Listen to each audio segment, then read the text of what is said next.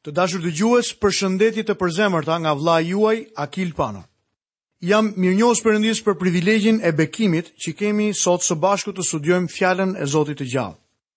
Ju kujtoj që jemi duke studiuar në Ungjillin sipas Lukës dhe sot do të lexojmë në kapitullin e tetë të këtij Ungjilli. Sot do të merremi me çështjen Kur Jezusi shëron gruan me fluksin e gjakut dhe i kthen jetën vajzës së Jairit. Kur Jezusi u kthye nga ana tjetër e bregut të Detit të Galilesë, turma të tëra u mblodhën rreth tij. Në turmë kishte dy njerëz të pashpresë. Le të lexojmë në kapitullin e tetë, vargjet dyzet e një deri në vargun e dyzet e katër. Dhe ja, erdhi një njeri me emrin Jair, që ishte kryetari i sinagogës. Ai i ra ndër këmbë Jezusit dhe iu lut të shkonte në shtëpinë e tij, sepse kishte një vajzë të vetme rreth 12 vjeçe që ishte e sëmurë për vdekje. Ndërsa Jezusi po shkonte atje, turma po shtyhej rreth tij.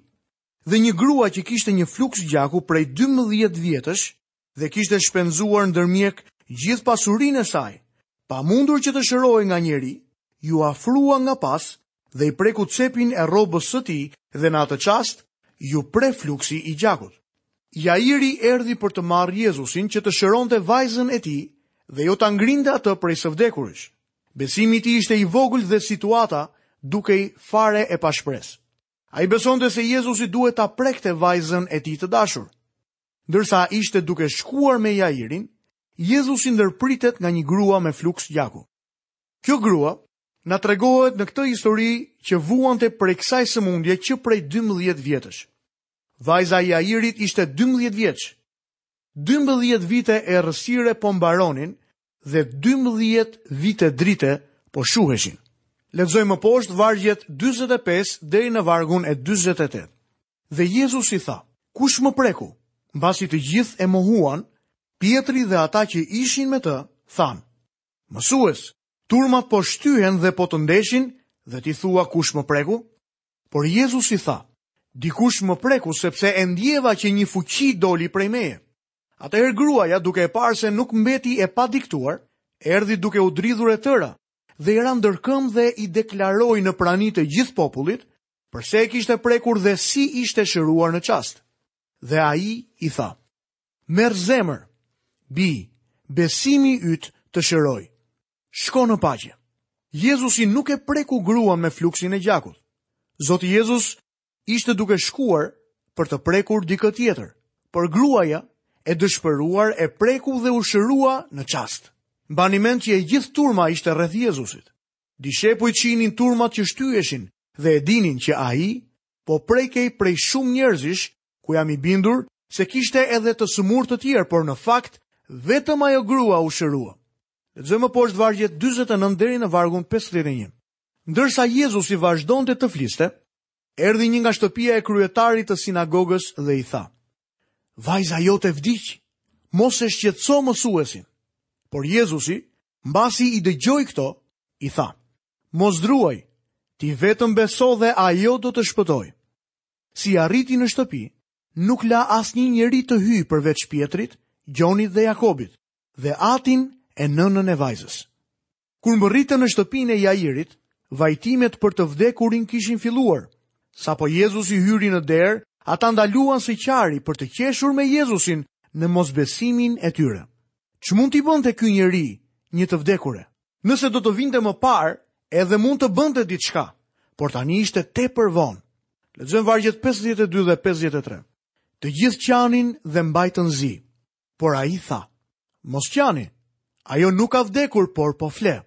Dhe ata e përqeshnin duke e ditur se ajo kishte vdekur. Zoti thirri Pjetrin, Jakobin, Gjonin, të atin dhe të ëmën e vajzës, aty ku ndodhej vajza. Ungjillëtari Luka, i cili në profesion ishte doktor, na tregon se ai i foli vajzës së vogël në një mënyrë të dashur. Jezusi i foli asaj në këtë mënyrë: Vogëlushe, ngrihu. Mund të përkthehet edhe shqerrë e vogël, zgjohu. Fëmija u ngrit. Ai e solli atë mbrapsht për hir të prindërve të saj, lexojmë më poshtë vargun 54 deri në vargun 56. Por ai mbasi i nxori jashtë të gjithë, e kapi për dore dhe thirri duke thënë, Vajzë, çohu! Asaj u kthye fryma e saj dhe menjëherë u çua. Pastaj Jezusi urdhëroi që t'i jipnin të hante. Dhe prindërit e saj mbetën të habitur. Por Jezusi i porositi të mos i thonin kurrkujt ç'kishte ndodhur. Miqtë e mi, vini re se metoda e përdorur nga Jezusi për ngritjen e të vdekurve është gjithmonë e njëjta metodë. Ai thirri ata dhe ata e dëgjuan zërin e tij të mrekullueshëm. Edhe një herë Zoti ynë tregoi se ai është një Zot i vërtetë. Të dashur dëgjues, këtu ne kemi përfunduar studimin e kapitullit të 8 të ungjillit sipas Lukës. Tani menjëherë së bashku do të studiojmë kapitullin e 9. Ju kujtoj që në kapitullin e 9 do të studiojmë këto çështje. Autorizimi i Jezusit dhe dërgimi i të dymbëdhjetëve, Më pas do të shohim Jezusin i cili ushqen pesë mijë njerëz me bukë, më poshtë do të shohim Jezusin i cili shpall vdekjen dhe ringjalljen e tij. Shpërfytyrimin, Jezusi dëbon demonët nga një djalë, dhe më pas do të shohim Jezusin i cili drejtohet për në Jeruzalem dhe në fund do të shohim Jezusin i cili shpall testin për dishepujt. Lexojmë në kapitullin e 9 të Ungjillit sipas Lukës, vargun e parë. Pastaj, mbasi i thirri bashkë të 12 dishepujt e vet, u dha atyre pushtet dhe autoritet mbi të gjithë demonët dhe të shërojnë sëmundjet. Kur Zoti ynë ishte këtu në tokë, u dha apostujve të tij dhuratën e shërimit. Kjo ishte një nga dhuratat dalluese.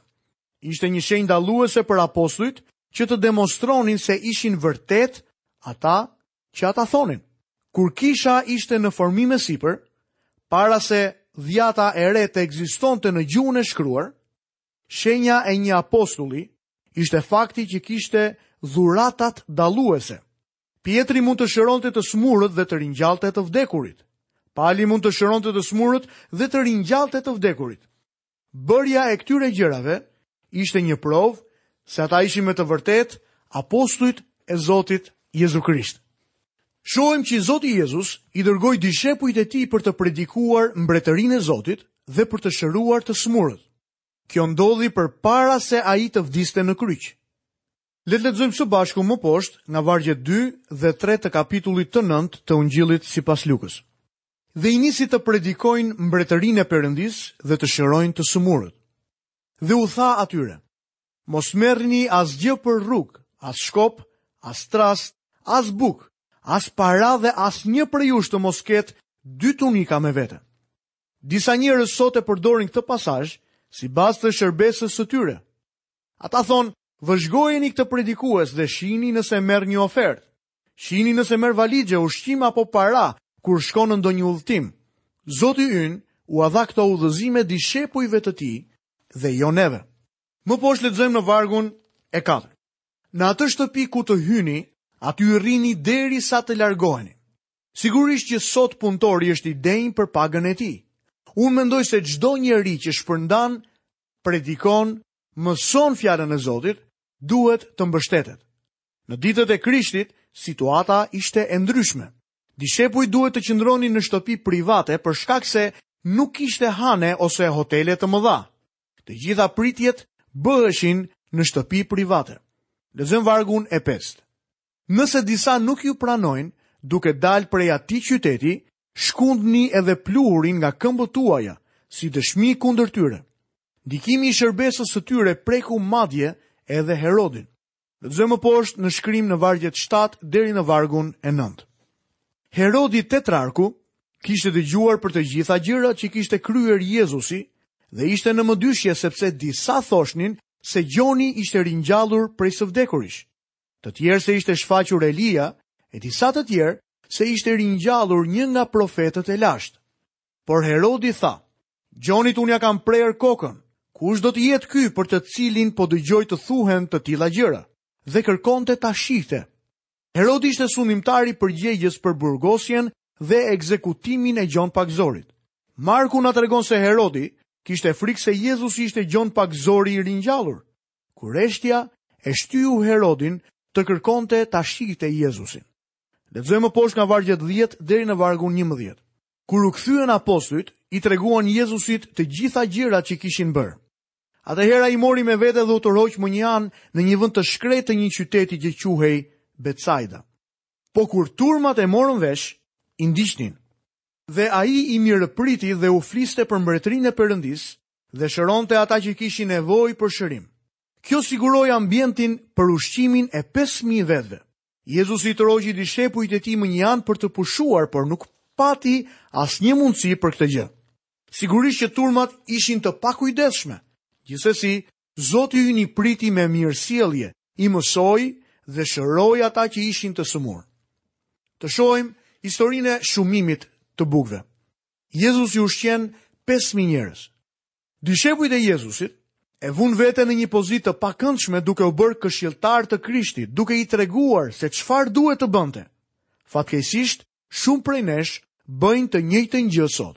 Miku im, Jezusi nuk ka nevojë për sugjerimet tona. Lexojmë vargjet dymbëdhjetë dhe trembëdhjetë. Tani kur dita filloi të mbarojë, të dymbëdhjetët iu afruan dhe i thanë, Nise turmën, që të shkojë nëpër fshatrat dhe nëpër fushat përreth, që të gjejë strehë dhe ushqim, sepse këtu jemi në një vend të shkretë. Por ai u tha atyre, U jepni ju të hanë. Ata u përgjigjën, Ne nuk kemi tjetër veçse pesë bukë dhe dy peshq. Vetëm nëse shkojmë vetë të blejmë ushqim për gjithë këta njerëz.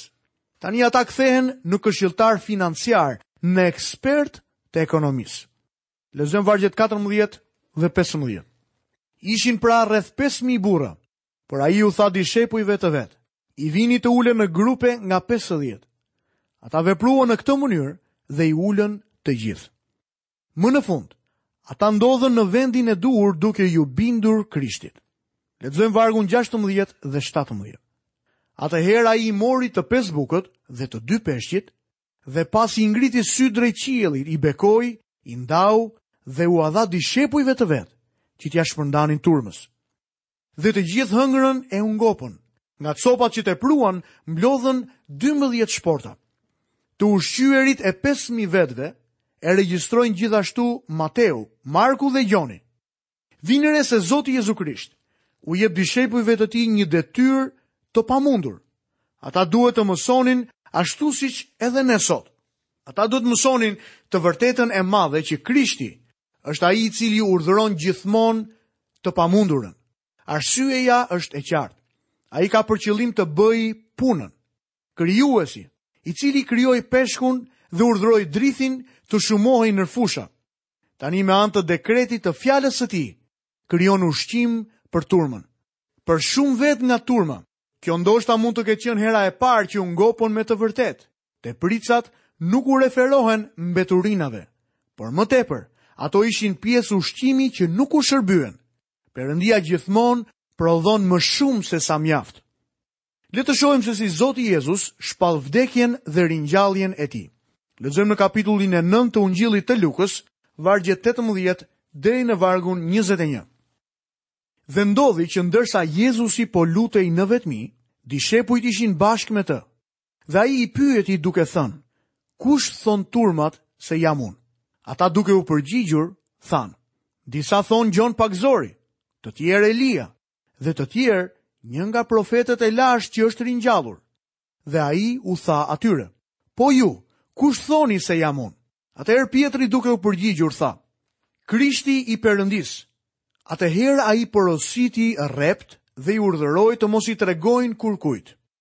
Çështja kryesore është kjo: Kush është Jezusi?